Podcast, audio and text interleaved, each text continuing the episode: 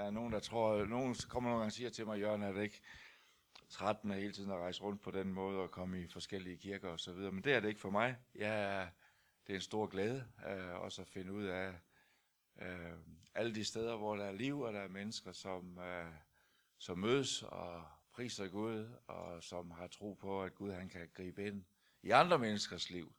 Så tusind tak, fordi jeg får lov til at være sammen med jer her i dag. Øhm, Ah. jeg vil lige bare lige nævne, at øh, jeg har nogle ting med. Øh, det ligger dernede, en bog. Jeg får lov til lige at nævne den. Øh, for et par år siden, så ja, for endnu længere tid tilbage, så kom der en mand, som hedder Allan Højer, som er journalist på Danmarks Radio, og han er også præst, frikirke. Og øh, han kom og spurgte, om han måtte have lov til at skrive min historie. Og øh, det gik jeg og tænkte på et stykke tid. Og, øh, og så sagde jeg ja til det. Og det blev sådan, jeg tror næsten tre år i proces, inden, inden den kom så langt, så den blev udgivet. Og øh, den hedder Hudløs, og øh, det var en af de ting, vi blev enige om. Jeg sagde, hvis det er sådan, at vi skal lave den her bog, så er det nødt til at være den ærlige historie på godt og ondt. For ellers så tror jeg ikke, den vil virke øh, på den måde, som den, den skal. Og det var vi enige om, øh, og det er den bleven. Han har en undertitel om Gud, depression og diagnose. Der er nogen, der tror, det kun er omkring det, men det er faktisk min livshistorie. Så det er, det er lidt mere end det. Der var en dame for ikke så lang tid siden. Jeg havde sådan et banner med for at annoncere lidt med det. Det var et større sted og, og så videre. Så kom der en dame, og så så hun det med, det bog skal jeg ikke have. Jeg skal ikke have nogen depression, sagde hun. Så, så sagde jeg, det, det er ikke for at få den, det er for at komme af med den. Men det, det tog lidt liv, tid, inden jeg ligesom kunne overbevise hende om det. Um, ja, så uh, hvis du har lyst, så ligger den dernede, og kan købes der er mobile pay nummer. Um, den koster 199, og, uh, og uh, du, ja, du kan også betale med kontanter. Vi er jo i Jylland, så vi skal stadigvæk åbne muligheden. Der er jo nogen, der brænder ind med deres kontanter for tiden, fordi at de er svære og svære at komme af med, ikke sandt? Så, så køb et par bøger, så hjælper jeg dig med det. Um, der ligger også sådan et kort dernede, hvis du har lyst til at følge lidt med i, uh, hvad vi laver. Uh, man kan sige, at jeg har to uh, områder uh, lige nu. Uh, det ene område er, at jeg tager rundt og taler. Jeg er ude hver eneste uge og taler et eller andet sted i Danmark. Øhm, jeg har altid, førhen i tiden, også rejst meget i udlandet, og gør det også stadigvæk, det kan jeg lige komme tilbage til, men jeg, jeg, da jeg startede igen efter seks års sygdom, øh, hvor jeg var nødt til at ligge stille, jeg har prædiket, jeg, jeg holdt min første prædiken et år efter jeg var kommet til tro, øh, tror jeg, og, øh, og har prædiket igennem alle årene, holdt foredrag og så videre. Øh, så blev jeg syg i 2004, og øh, i 2010 så kom jeg på banen igen. Jeg havde indstillet mig på, at nu var det slut, øh, faktisk, den side af mit liv. Men, øh, og det var det første, jeg sagde til min kone, da vi fandt ud af, at jeg havde fået det bedre, det var, at jeg sagde, at jeg behøver ikke at begynde at prædike igen. og øh, det holdt så et par uger. Uh, så fandt jeg ud af, at det er åbenbart det, jeg skal have her i livet, så derfor så, så gør jeg det. Øh, men der fik jeg sådan, at jeg skulle koncentrere mig meget om Danmark. Jeg skulle ture, og have tro for, at der var basis for, at jeg kunne være med til at gøre noget i Danmark her. Så, så jeg har været rigtig meget rundt i Danmark. Jeg har også haft nogle ture øh, rundt forskellige andre steder, men mest øh, øh, har det været koncentreret om Danmark. Det er blevet den ene side, som bliver ved og fortsætter. Den anden side er, at øh, øh, i to, i, for fire og et halvt år siden, så sad jeg på Filippinerne i Manila sammen med min kone. Vi har holdt lidt ferie, og så har jeg en god øh, australsk ven, som arbejder, har et arbejde i noget af det værste slum, øh, der findes øh, i Manila. Det er virkelig slemt. Og øh, han, øh, vi har været rundt og set de der ting der. Han er australier og, og lever derude. Han har bygget et hus midt i det der slumområde, og og bor der selv og så videre, og har startet med kirker, og det er helt fantastisk. Og vi blev selvfølgelig berørt af det, så da vi sad om aftenen på hotellet, efter at have gået rundt et par dage, så, så, så snakker vi om, at vi kunne måske være med til at gøre et eller andet. Øh, fordi det er klart, at man bliver berørt af sådan en nød der. Og øh, det snakker vi lidt om, og tænkte, blev enige om, at vi ville tænke over det, og så øh, gik vi i seng, og øh, jeg faldt ikke sådan lige i søvn. Og mens jeg lå der, lige inden jeg skulle sove, så lige pludselig så fik jeg den der øh, underlige fornemmelse, der er svært at forklare. Man får en tanke, som taler til en, næsten som sådan en ryst, ikke sandt? Øh, øh, det er den måde, jeg har lært at kende på, synes, når Gud vil sige et eller andet til mig. Det er svært hver gang at definere, er det mig selv, der tænker det her. Men det her, det var så overraskende, så jeg er klar over, at det her jeg ikke engang hjernekapacitet til at tænke selv. Så jeg var rimelig sikker på med det samme, at det var Gud, der var på spil. Og, han, og der lød bare sådan her, Jørgen, du skal ikke arbejde på Filippinerne. Nå, okay. Jamen, øh, det var da godt, vi kom ud, så. Øhm, øh, du skal til Vietnam. Og det, det kom, Vietnam kom sådan ud af den blå luft fuldstændig. Jeg har aldrig været der. Jeg har aldrig interesseret mig for det. Jeg har aldrig i alle de år, jeg har været i tjeneste, øh, der har jeg aldrig fra Europa mødt missionærer, der tager til Vietnam. De er her sikkert. Helt sikkert. Men jeg er bare ikke, det er ikke sådan et fremmed øh, et land, hvor, hvor der er meget opmærksomhed om. Uh, og så hørte jeg en røst mere, eller så hørte jeg en sætning mere, det var, men du skal vente indtil du får grønt lys, eller klar signal. Så det, uh, det gik der uh, fire år med. Uh, jeg var så ude i, ude i Asien i november måned sidste år. Og, og det var andre steder. Jeg var i Malaysia, jeg var i Thailand, jeg var i Myanmar.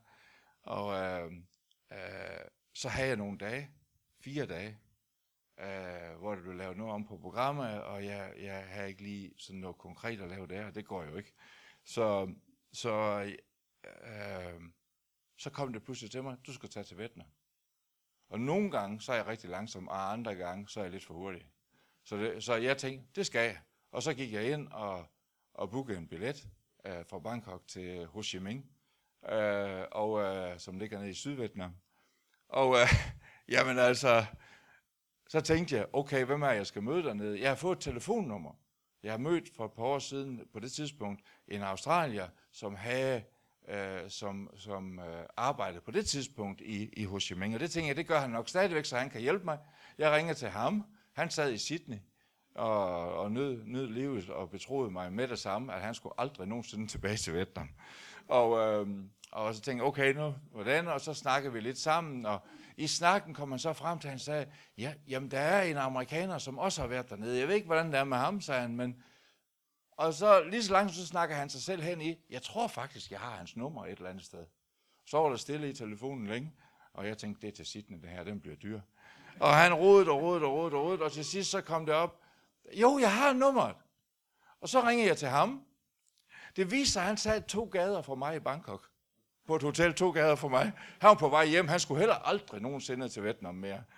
Og, øh, men vi mødtes så, og det var bare sådan en god oplevelse. Kender det nogle gange, så møder man bare nogle mennesker, hvor man tænker, dem har jeg kendt hele mit liv. Og, øh, og sådan snakkede vi, og han betroede mig ting og så videre. Og det gjorde han, sagde, Jørgen, på grund af, at jeg kan mærke det her, sagde han, så vil jeg give dig et nummer til en lokal præst i en ikke registreret kirke.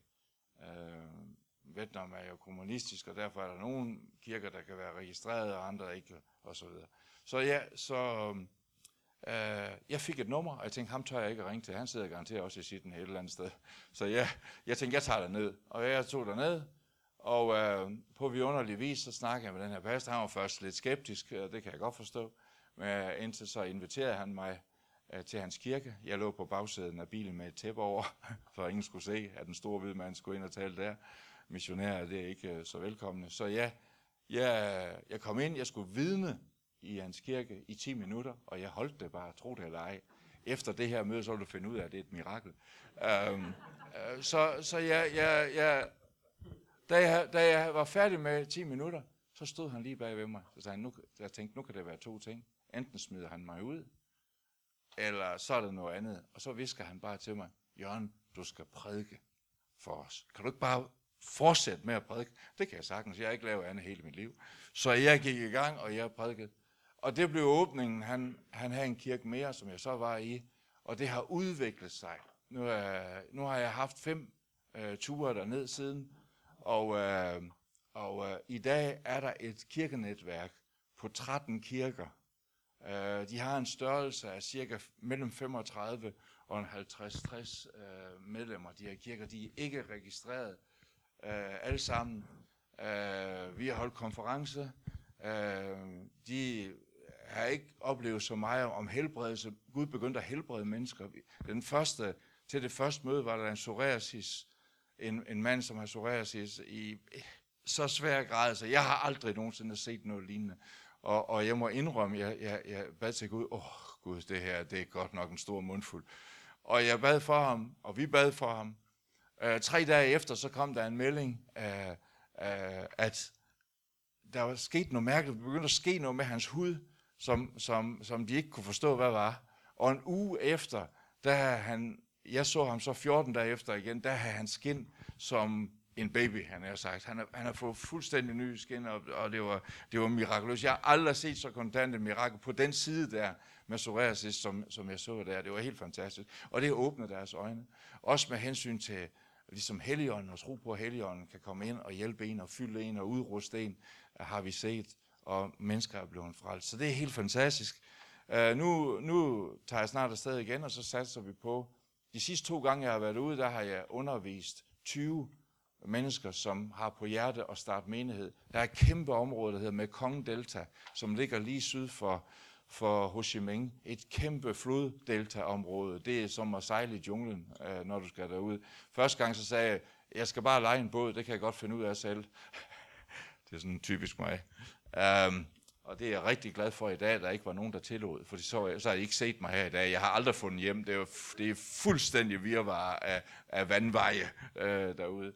Øh, og første gang jeg var derude, da jeg kom hjem, så oplevede jeg bare, at Gud sagde til mig, I skal starte menigheder derude. Men du skal ikke sige noget til de andre.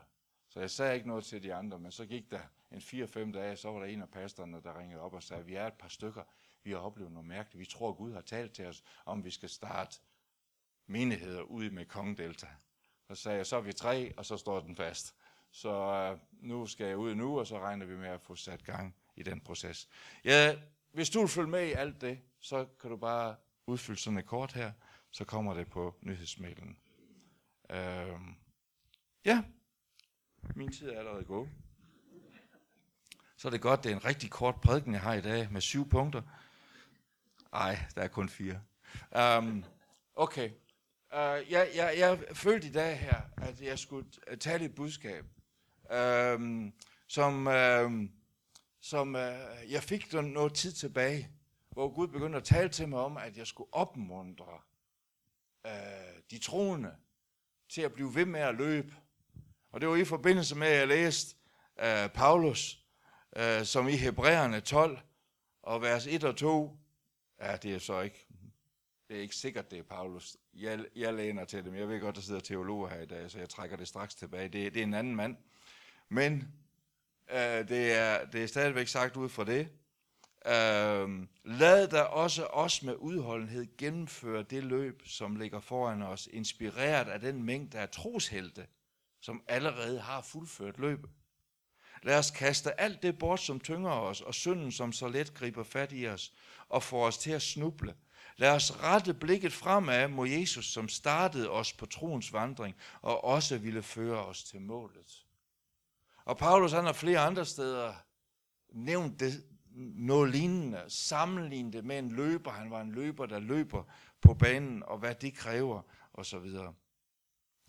Uh, for nogle år siden, ja, ja, jeg løber lidt, og for nogle år siden, så på Maja-stævnet, så har de sådan et campløb. Og der er nogle af dem der, der løber der. Jeg kun ser den en gang om året, og vi prøver så hinanden lidt af. Jeg er ikke sådan jeg er ikke sådan en superløber, øh, men jeg kan, jeg kan godt lide det. Og jeg er ligesom, jeg har tænkt på, nu skal jeg løbe det løb, og jeg har trænet mig, og jeg har glædet mig til det. Og øh, så et par dage før, så begyndte jeg at få feber, og øh, hostede, og, og så videre. Og øh, øh, dagen nærmede sig, og så sagde konen, øh, øh, du skal ikke løbe det løb i morgen, vel? Øh, jo jo, det skal jeg, det er jeg klar til. Så sagde han, det er du ikke klar til. Og øh, så blev jeg ikke klar. Um, øh, det, det er det, koner kan. Uh, og øh, også andre ting, vil jeg sige selvfølgelig. Men, men øh, øh, det var jeg sådan lidt skuffet over. Jeg var ked af det. Og, og den dag det var, så sad jeg der i forteltet. Det var jo sådan, det er vores ugen, årlige campinguge og, og det er et mirakel, at vi overlever hver år. Men jeg sad i det der campingtelt, og, øh, eller fortalt til campingvognen, og så, så, så kunne min kone godt se på mig, at det her det var lidt, lidt hårdt for mig. Så sagde hun, Jørgen, hvorfor går du ikke op og hæpper på de andre? Mener du det? Så, ja, du går op og hæpper på de andre. Du ved det meget, det betyder at blive hæppet på. Jamen, det er rigtigt. Så jeg gik op, og jeg vidste, jeg kendte ruten. Det er sådan en 5 km rute, og jeg løber normalt de 10 km. Øh, men så er sådan et sted, man kan stå, hvor man kan nå lige til sidst og hæppe op på dem, der kommer ind fra 5 km, og dem, der skal ud på den næste 10 km. Et godt sted. Så jeg stillede mig der, og, øh, og jeg har lært igennem årene, øh, før jeg kom ind i løbeverdenen, vidste jeg ikke noget om det, men det er sådan nogle, nogle ting, som man siger.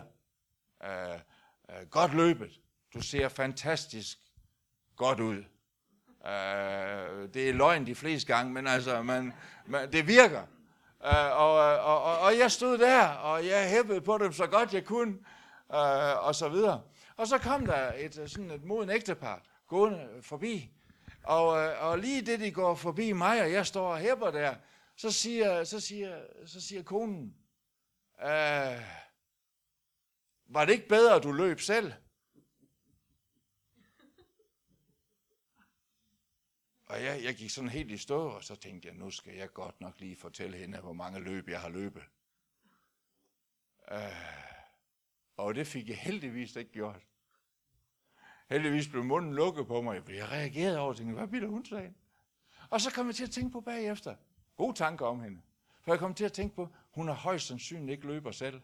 For hvis hun har været det, så har hun vidst, hvilken betydning det har. Ligesom jeg har oplevet betydningen af det, og kunne ikke vide det før. Og, og, og, og jeg tror, at Bibelen taler til os, og det er derfor, Hebræerbrøds forfatter, han, han også går ind i det her, at vi har et medansvar, ikke kun i at løbe vores egne løb, men også at løbe hinandens løb og bakke hinanden op i det.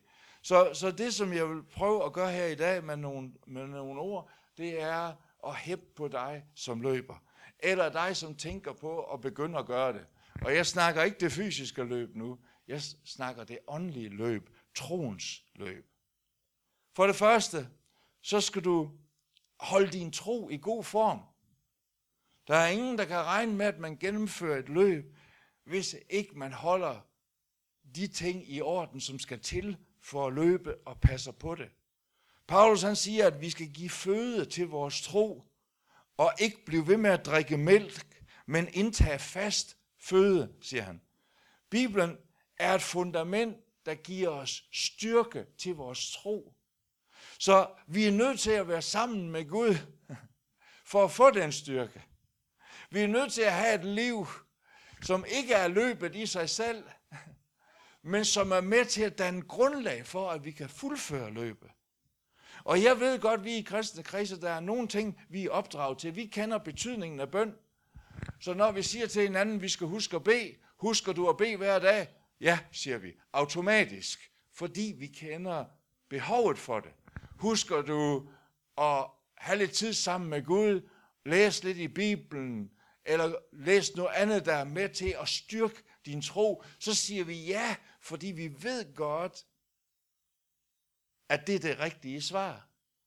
Men jeg ved ikke, hvordan det er med dig, men for mig er den sværere end det, fordi der kommer det billede ind, at det næsten nogle gange kan gøres selv til løgnere for os selv, fordi det faktisk ikke er så nemt at holde den side op i vores liv.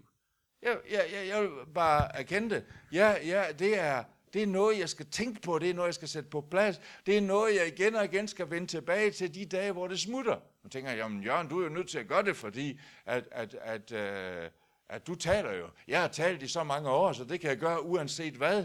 Men mit eget trosliv, det er jeg nødt til at tage hånd om.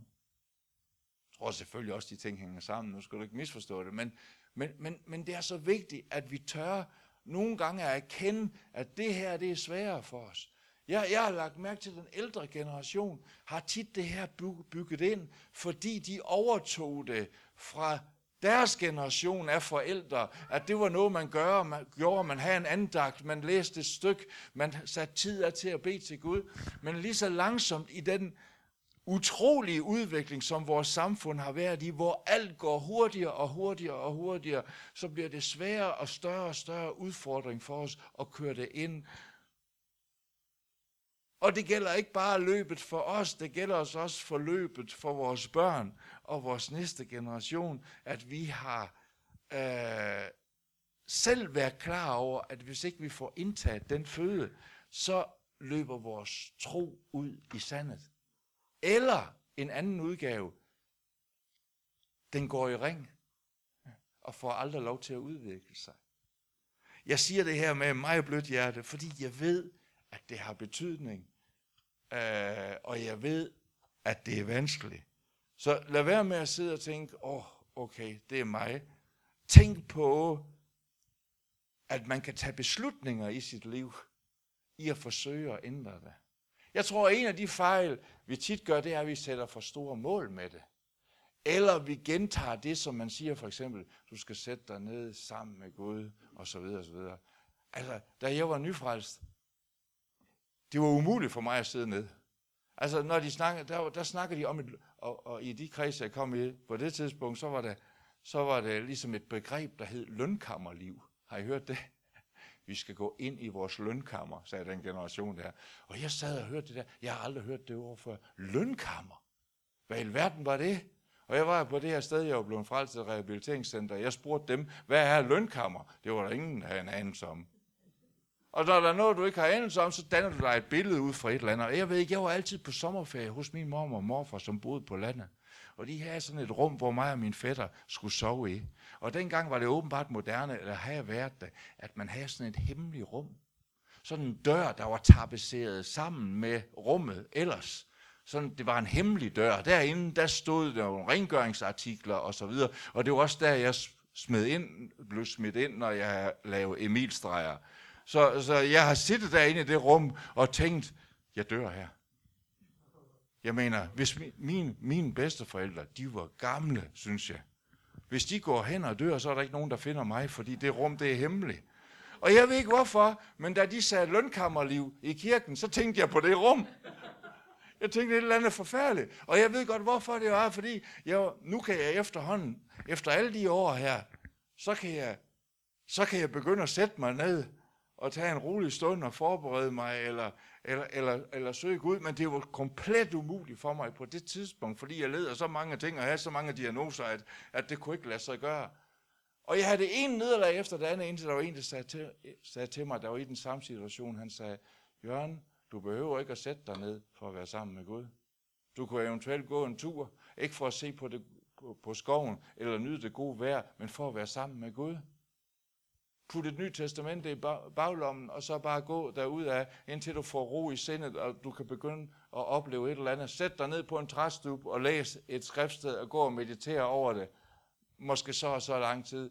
Og det blev faktisk det, der reddede mig i, at jeg fandt ud af. Og efterhånden har jeg lært, at jeg kan...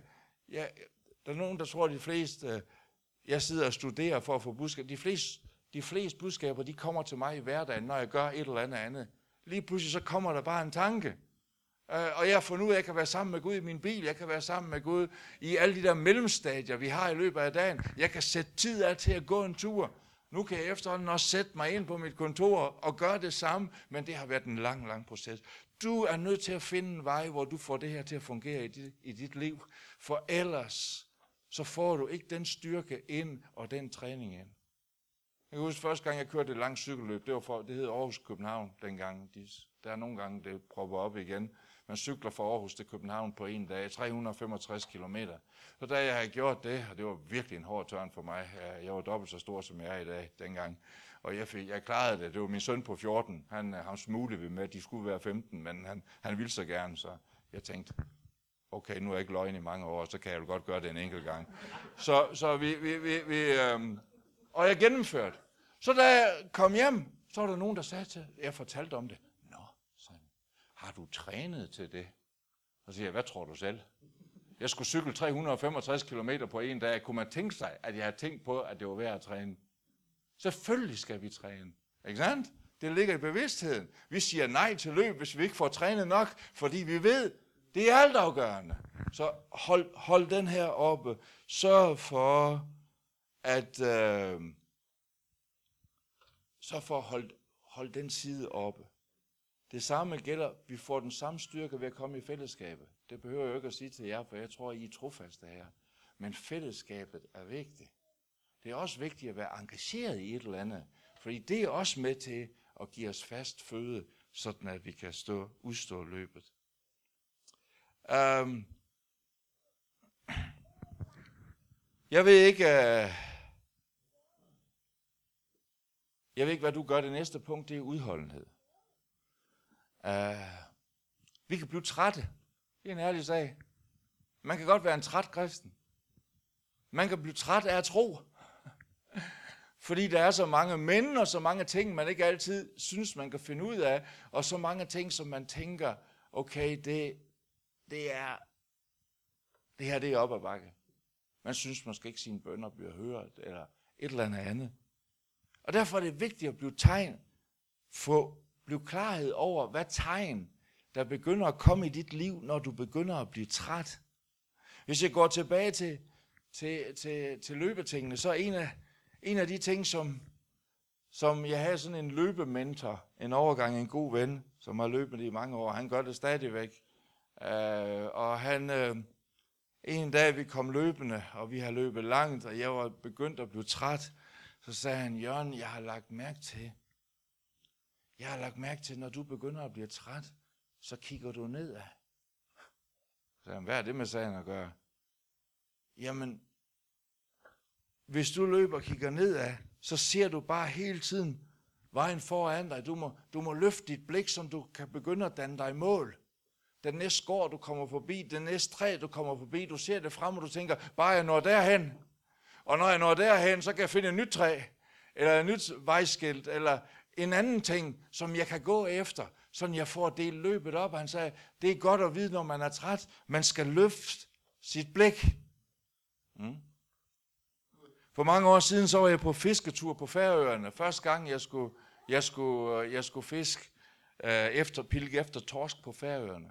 Havet derude for Færøerne, det gør, at de der både, de har, de gør ikke nødvendigvis sådan her, når man ligger derude. De gør sådan her. De følger bølgestrømninger sådan her, lige så langsomt ubemærket, så går det sådan her. Og jeg ved ikke, hvad det er. Man sidder og pilker på måske øh, 100 meter vand, eller 70 meter vand, og alligevel så sidder man og kigger efter den. Det er fuldstændig ulogisk, fordi man kan ikke se den vel dernede. Men det sidder man. Og jeg sad, jeg var så optaget af det der. Og mens jeg sad der og kiggede ned i det vand, så gik båden sådan her. Og jeg blev søsyg. Jeg blev rigtig søsyg. Og så sagde kaptajnen på båden, han sagde, Jørgen, du skal finde et fast punkt. Der er så mange øer på Færøerne, så han sagde, se den ø derovre, den skal du kigge efter. Du skal ikke kigge nedad, du skal kigge på et fast punkt. Det hjælper dig. Din balancenerve, den kommer på plads, når du gør det. Det kan også være en færge, som ser ud som om den ligger stille, så det er også et fast punkt. Find noget, du kan kigge på. Og nu igennem alle årene, der har jeg brugt det. Og jeg har reddet mange for ikke at brække sig. Det vil jeg bare lige sige. Øh, min kone er skillig i gang. Øh, hvor, hvor, fordi det er det første, vi gør, det er, at vi kigger ned. Vi, vi var øh, og sejlede ud på et eller andet sted i Asien på et eller andet tidspunkt, og der skulle vi sejle hjem fra en ø, der var helt fantastisk. Og det var vejret altså ikke, da vi skulle sejle hen. Og de blev næsten søsyge alle sammen. Øh, og jeg kunne ikke forklare dem det, fordi de kunne ikke forstå engelsk. Men det første, de gjorde, de der mennesker, det var, at de stak hovedet ned mellem benene. Og, og det var praktisk, når de kastede op, men de kunne måske have undgået det, hvis de havde kigget op. Salme 121 siger, jeg løfter mine øjne mod bjergene. Hvorfra kommer min hjælp? Min hjælp kommer fra Herren, himmelens og jordens skaber. Vi skal kigge op. For mange år siden så kørte min kone galt en ulykke, som har præget vores liv siden da, og som har også præget, præger Britas liv i dag, og selvfølgelig dermed også mit, fordi det var en alvorlig ulykke, og hun har udledt skavanker efter det igennem årene. Uh, den dag det skete, ja, ja, ja, jeg mener, jeg kom over på sygehuset og kunne kun kende min kone på området omkring her, og munden og det parti, og det altså, jeg har siddet i timevis og stirret ind i det ansigt. Øh, så jeg burde kende det hele, men hun var røget ud gennem foruden og tilbage igen og ud en gang mere, og hendes ben var knust, og det så forfærdeligt ud. Og det var hårdt. Og vi har to børn, og de har været med i bilen, men de blev sådan rimelig hurtigt udskrevet. Det var helt fantastisk. Uh, Gud passede på dem. Og senere hen har Gud også gjort noget, så jeg fik lov til, på det tidspunkt vidste man faktisk ikke, om, øh, om, øh, om, om Brita hun ville overleve. Så det, det, blev, det, var sådan, det var meget presset. Og, og, og en dag jeg kom hjem over fra sygehuset, ja, vi havde det der hus, og det hele det flød derhjemme, fordi at, øh, jeg var bare ind og ud og derover og så videre og så videre. Og jeg mærker den her, jeg mærker den her træthed. Nu kunne jeg bare ikke mere. Og jeg, jeg lagde mig midt på vores sofa, nej ikke vores sofa, vores, øh, vores stuegulv, og, og, og lagde med hovedet ned der. Og, øh, og så lige pludselig så, så hører jeg den her indre stemme, der siger til mig, Jørgen, du skal få fat i en bibel. Og det var jeg mange af, så jeg begyndte bare at klappe rundt omkring mig. Og så fandt jeg en. Og så tog jeg den, og så lavede jeg den der, vi ikke må. Men som virker afskillige gange i mit liv. Jeg åbner og pegede, og så står der, så, der, så står der, at vi skal, vi skal, Jesus siger, den som er træt og tynget af byrder, hvad skal han? Han skal komme til mig, så skal jeg give ham hvile. Og pludselig blev jeg klar over, at jeg var nødt til at se op, op på ham, ellers så ville jeg ikke gennemføre det her. Og der, den dag der, der lærte jeg noget, jeg har praktiseret i mange år siden, at når det er allersværest, og vi prøver at krybe ind i os selv og kigger nedad, det er der, vi skal kigge op på ham, som giver os styrke til at løbe videre. Og jeg tog direkte ud til min svigermor, som var ved at gå fuldstændig til af samme årsag. Og jeg, og jeg nævnte det samme skriftsted for hende, og vi bad sammen, og vi har snakket om det mange år siden, at hvis ikke det var sket, så er vi simpelthen faldet sammen på det tidspunkt. Hmm. Når vi bliver trætte, så skal vi sørge for at kigge op. Eller, med, eller finde de andre ting, som du godt ved herinde. Det her det er et tegn på, at min tro er ved at blive træt. Hmm. Vi er nødt til at være ærlige en gang imellem i vores liv og tænke, okay, det der, det kommer i mit liv, når jeg er ved at køre fast. Hmm? Så jeg er nødt til at kigge op til ham, der kan hjælpe. Og jeg er også nødt til at søge hjælp hos dem, jeg er iblandt, at de kan bede for mig, støtte mig, opmuntre mig eller lede mig for at komme videre. Jeg har lært under løb, at man skal drikke rigtigt, og man skal spise rigtigt. Ikke for mig, og heller ikke for lidt. Den tredje punkt, det kalder jeg, jeg har to, ja, jeg har to sætninger. Den ene er sød. Hvorfor en vil I have den? Vi tager den søde. Vi må overvinde os selv. Den anden hedder, vi må æde os selv. Jeg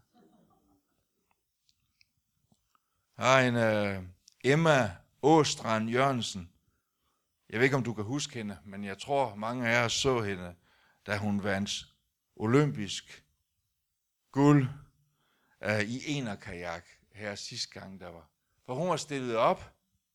Hun var ung, et ung talent, og hun skulle egentlig bare med for at få mere erfaring, for hun har slet ikke toppet endnu til at være der.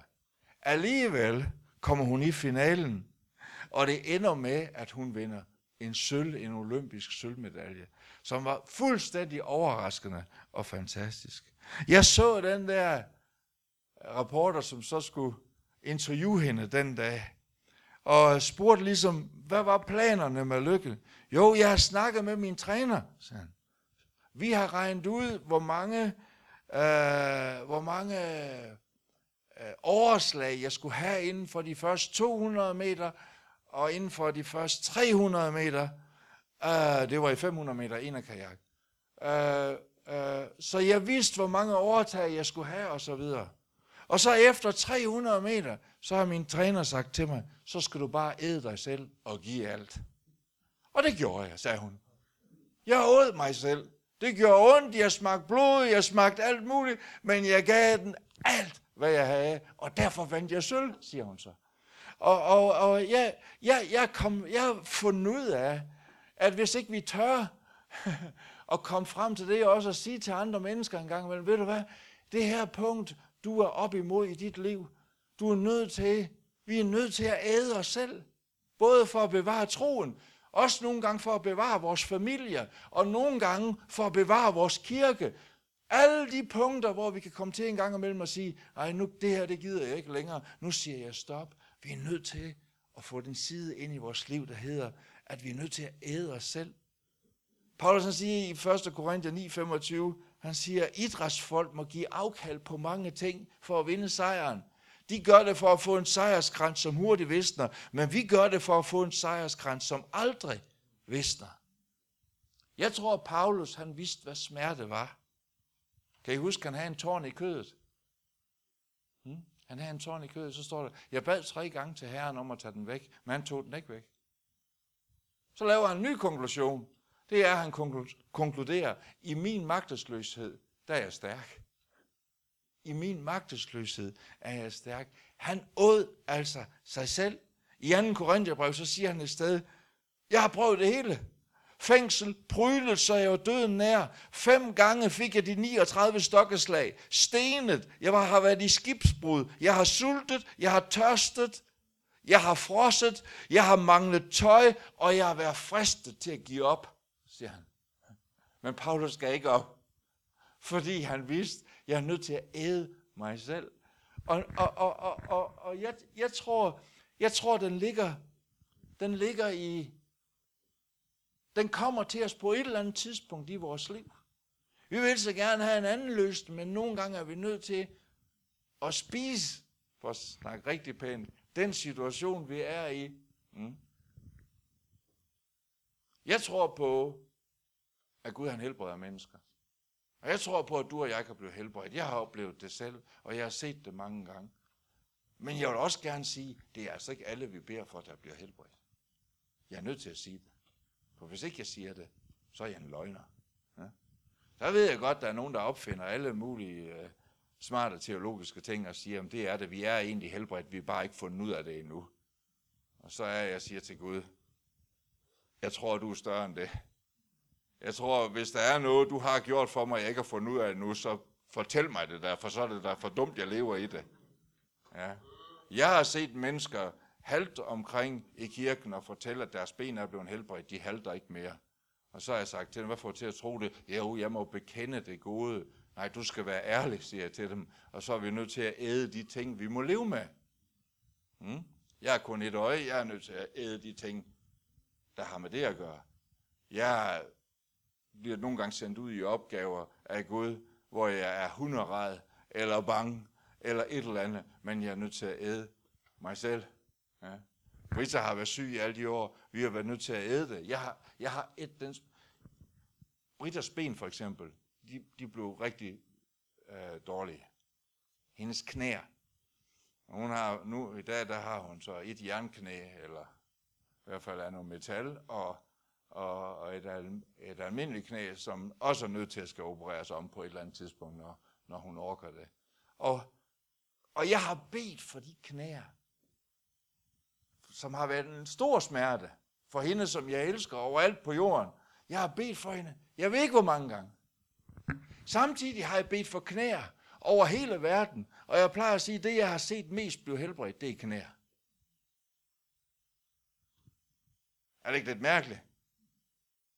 Jeg, har bedt, jeg ved ikke, hvor mange bønder jeg har bedt for andre, der har fået deres knæer helbredt. Jeg har i hvert fald garanteret næsten bedt lige så mange bønder for min kone. Hun har aldrig blevet helbredt.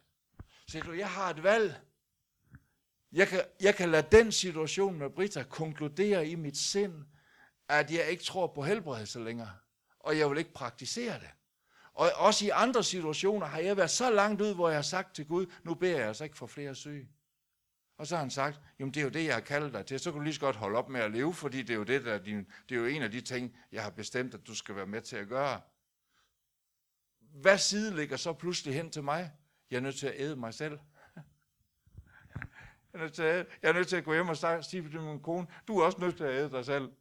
For hver gang jeg kommer hjem og fortæller en, der er blevet helbredt, så kan hun jo godt få den tanke, hvorfor bliver jeg ikke helbredt? Og jeg siger, jeg ved det ikke. Hmm? Jeg har nogle gange været den mest syge i lokalet. Mm. Og bedt for andre, som jeg synes, de ville da godt kunne klare den uden helbredelse. Og de er blevet helbredt. Det er drøgn irriterende. Ikke sandt? Ja.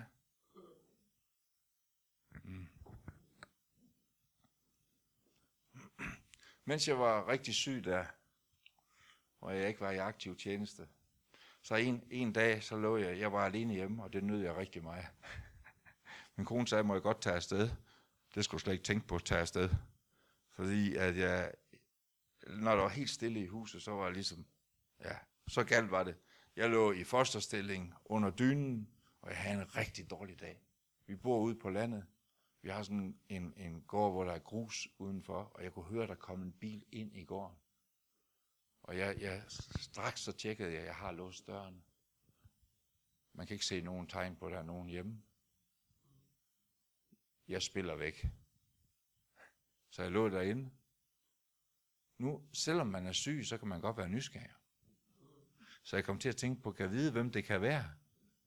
Så jeg kravlede ud på vores øh, badeværelse, hvor vinduet vendte ud mod gården, og så åbnede jeg lige vinduet, og så så jeg en lille hvid bil, hvor der var en dame, som jeg godt kunne se, jeg havde set før, men ikke kendt, gå meget målbevidst over til døren, og jeg kravlede tilbage ind i sengen.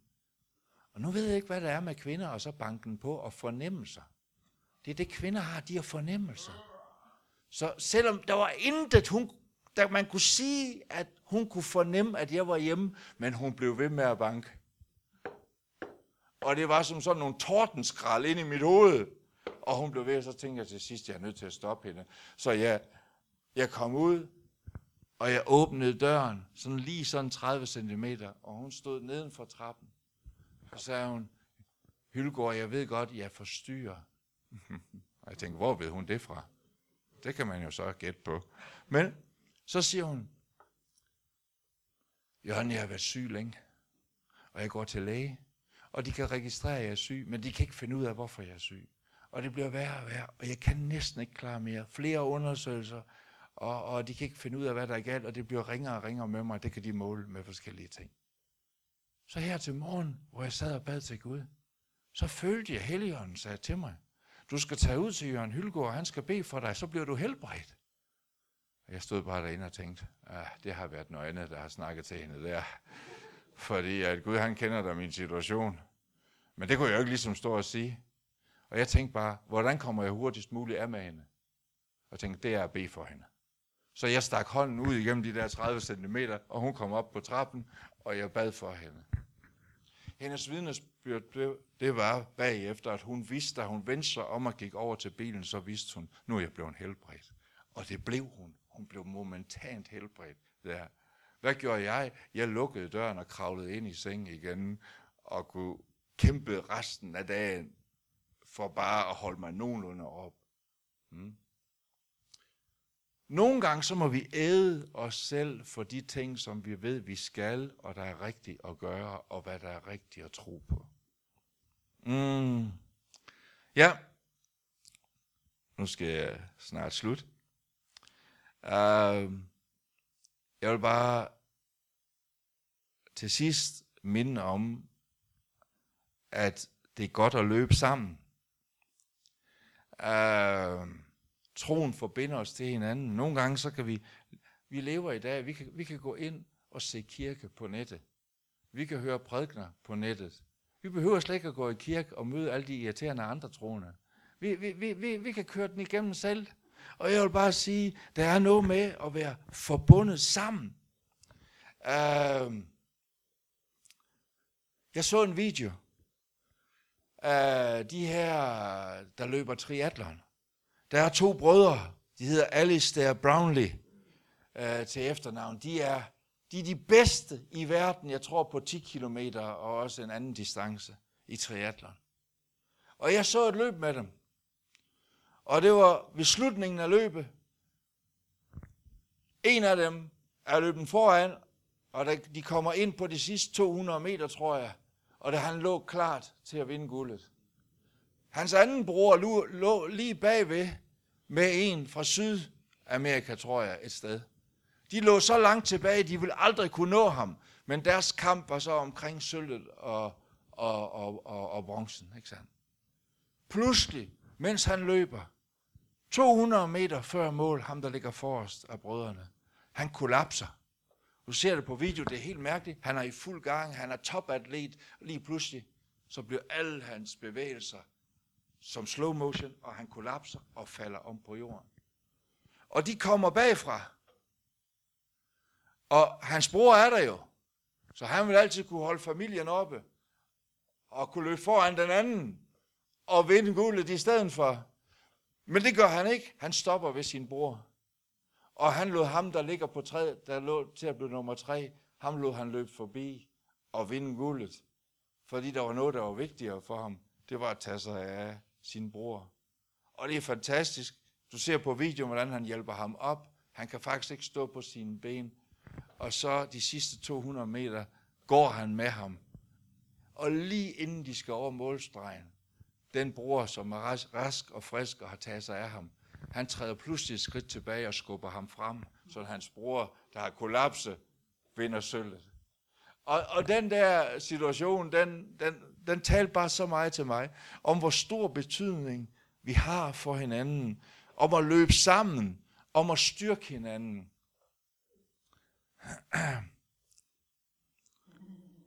Hvorfor skal vi det? Fordi vi skal i mål alle sammen. Jeg løb en maraton i København, det var helt forfærdeligt. Hvis der er nogen, der sidder og tanker om at gøre det, lad være. Um, jeg, jeg har hørt om muren, og tænkt, det rammer ikke mig. Uh, det gjorde den. Uh, et eller andet sted på Østerbro, der, der blev jeg bare ramt. Jeg fik sådan en kvalm, jeg kunne næsten ikke holde mad i mig. Jeg, en havde sagt til mig, eller væske i en har sagt, Jørgen, hvis du får trang til at kaste op, du må ikke kaste op, fordi så kaster du al energien op. Så jeg stod og sank op af, op af røret fra tagranden øh, vandet på en stor bygning på, på Østerbro, tror jeg det var, og stod og hang der og tænkte, jeg kommer aldrig i mål. Jeg har 6 kilometer tilbage, og jeg tænkte, jeg skal i mål. Mens jeg stod der og hang op af det, så kom der nogle stykker løbende forbi. Der kom blandt andet en ung dame løbende forbi. Øh, jeg vil tro, hun var sådan først i 20'erne. Hun kiggede på mig. Jeg kunne ikke rigtig vurdere, om hun tænkte, åh, stakkels mand, eller, eller, eller, eller hvad hun tænkte, men hun, hun kiggede i hvert fald, og hun løb så videre. Jeg ved ikke, hvorfor jeg lige lagde mærke til hende. Det fandt jeg ud af senere hen, fordi jeg tog så beslutning, jeg skal afsted, og jeg, mit næste mål, det var at komme hen i en eller anden park, jeg tror det var Fælledparken, der var et depot. Men jeg skulle ingenting have, tænkte jeg, for jeg kastede bare det hele op. Uh, men vi skulle ligesom igennem sådan en sluse, hvor depotet var der, og der var der en dame, der stod med de her appelsinbåde. Skåren sådan en appelsiner ud i både. Og så stod hun, og hun tog en hel håndfuld. Og så gav hun til mig. Jeg sagde ikke noget, og hun sagde ikke, det eneste hun sagde, det var, du skal ikke spise dem, du skal suge saften ud, sagde hun bare. Så jeg puttede i munden, den ene skive efter den anden, mens jeg gik. Og jeg kunne bare mærke, den energi, den gik direkte i blodet, fordi jeg var så udtømt, som jeg var.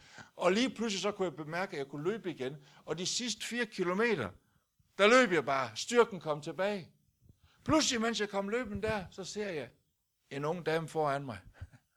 Står og hænger op af en bygning. Hun går lidt, står hen til, og så videre, og så videre. Og jeg tænker, det er hende, der løb forbi mig. Nu skal jeg kigge på hende. Heldigvis er der nogle gange, der er indbygget den gode ting i os, som overvinder de tanker, vi slet ikke må tænke. Så lige da jeg løb forbi hende, så satte jeg farten ned, så sagde jeg, Hæng på mig, jeg løber ikke særlig stærkt, sagde jeg. Hæng på mig. Så sagde hun, hvorfor? Fordi vi skal i mål, sagde jeg til hende. I mål, det skal vi. Og hun hun begyndte, og vi løb sammen de sidste 4 kilometer. Da vi kom ind, øh, da vi kom ind øh, i opløbet, det var meget åbent, da vi kom. Øh, øh, øh, hendes, hendes familie stod og ventede på hende, og de var bekymrede, fordi de havde ventet så længe. Så de stod der, så de råbte over, vi var bekymrede for dig. Der, der var ikke nogen, der stod og ventede på mig. De var gået ud og spise, alle dem, jeg var sammen med. Men, men, men, men, men der, så, råber, så råber hun tilbage til ham, så sagde hun, jamen det er på grund af den her mand, sagde, han, sagde hun. Han har trukket mig i mål, fordi han sagde til mig, i mål, det skal vi. Og mens jeg sad og, og lavede det her budskab, så kom jeg bare til at tænke på den situation. Alle de gange, hvor der er nogen, der har sagt, Jørgen, du kommer til at klare den. Du kommer igennem det, fordi i mål skal vi. Og jeg vil gerne sige, at vi har et fantastisk mål foran os. Paulsen siger i 2. Timotius, jeg har kæmpet den gode kamp, jeg har fuldført løbet, og jeg har bevaret troen, siger han. Så jeg vil bare opmuntre alle i dag til at blive ved med at løbe, fordi i mål, det skal vi. Vi skal i mål. Og jeg vil bare sige til dig, som er blevet træt, jeg tror, vi alle sammen kommer ind i en krise, i en krise måske imellem, imellem 45 og 55, eller, eller hvad nu årstal det rammer os, hvor vi tænker, åh, jeg tror, jeg laver mit liv fuldstændig om, for det her, det, det, det, det, det er for besværligt. Men jeg vil bare advare dig imod det. Hold fast i målet. Det mål, du har løbet efter hele dit liv. Lad være med at slippe det som en genvej. Hold fast i det, fordi i mål, det skal vi. Amen. Tak, Jesus, fordi du er her i dag.